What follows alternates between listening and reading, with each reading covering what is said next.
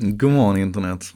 En sak idag ska handla om rymden igen. För nu är det klart att det här gänget är från University of Southern California, USC, som arbetar på deras Rocket Propulsion Laboratory efter 14 års kämpande har fått upp en, en raket i rymden.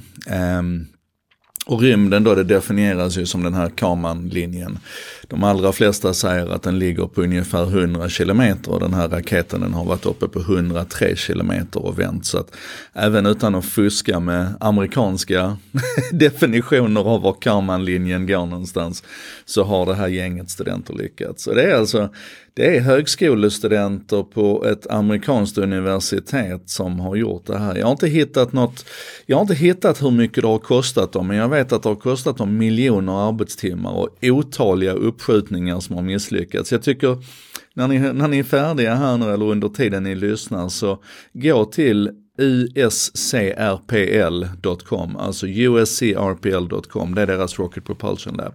Och titta på bilderna, läs texterna om alla de här uppskjutningarna som har lyckats och, och misslyckats. Så vi ska ha klart för oss vilken, vilken bedrift det här är.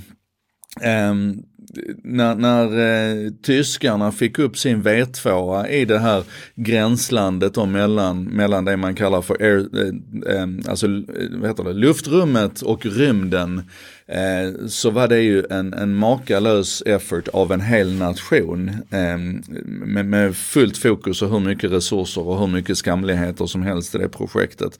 Eh, men även utanför det så efter krigstid så har det här, det här med att liksom få upp grejer i gränslandet mellan, mellan luftrummet och rymden. Eh, ni vet en satellit kan ju inte gå under 150 kilometer i höjd om den ska liksom funka som en satellit och vi kan väl inte flyga över 35 kilometer där någonstans i höjd. Alltså det här, det här utrymmet här, lite, lite så här ingenmansland. Att få upp grejer där, det har ju tidigare varit en insats som har krävt en nations samlade styrka.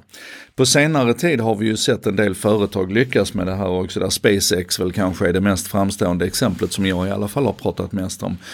Men nu är det alltså studenter som har gjort det här. Och jag ser här ett, ett, tydligt tecken på hur all sorts avancerad teknik blir tillgängligare.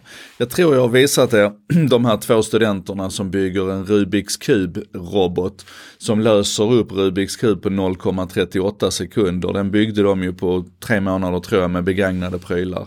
Jag har pratat om Hugo Falk, 12-åringen som hackar ihop en, en egen applikation eh, för att han vill ha en läxläsningsapp. Jag tror det tog också tre månader. Jag har, jag har pratat om hur, eh, hur Google börjar sälja en, en USB-sticka med en, en komplett processor, en, en, vad ska man säga, en komplett AI-maskin egentligen på en USB-sticka för, för 75 dollar.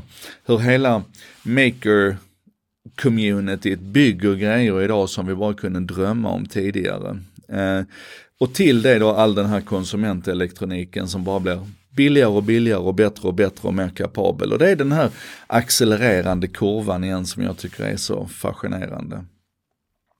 Och det skulle jag kunna prata mycket om, men just nu så vill jag väl bara att vi ska hylla det här gänget. Det är väl 80 studenter som har varit inblandade tror jag.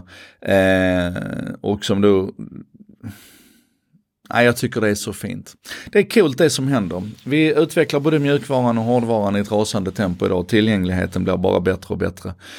Um, exponentiella kurvor på det här nu, mark my words. Uh, rymden är snart vår ja, det här var en sak idag med Joakim Jardenberg.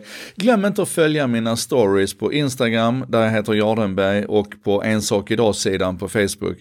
För att där försöker jag leverera lite kortare sådana här nyhetsgrejer också ett par gånger om dagen. Så att häng på där och så ses vi med en, en sak idag imorgon igen. Nu ska jag läsa allt jag kan hitta om USCRPL.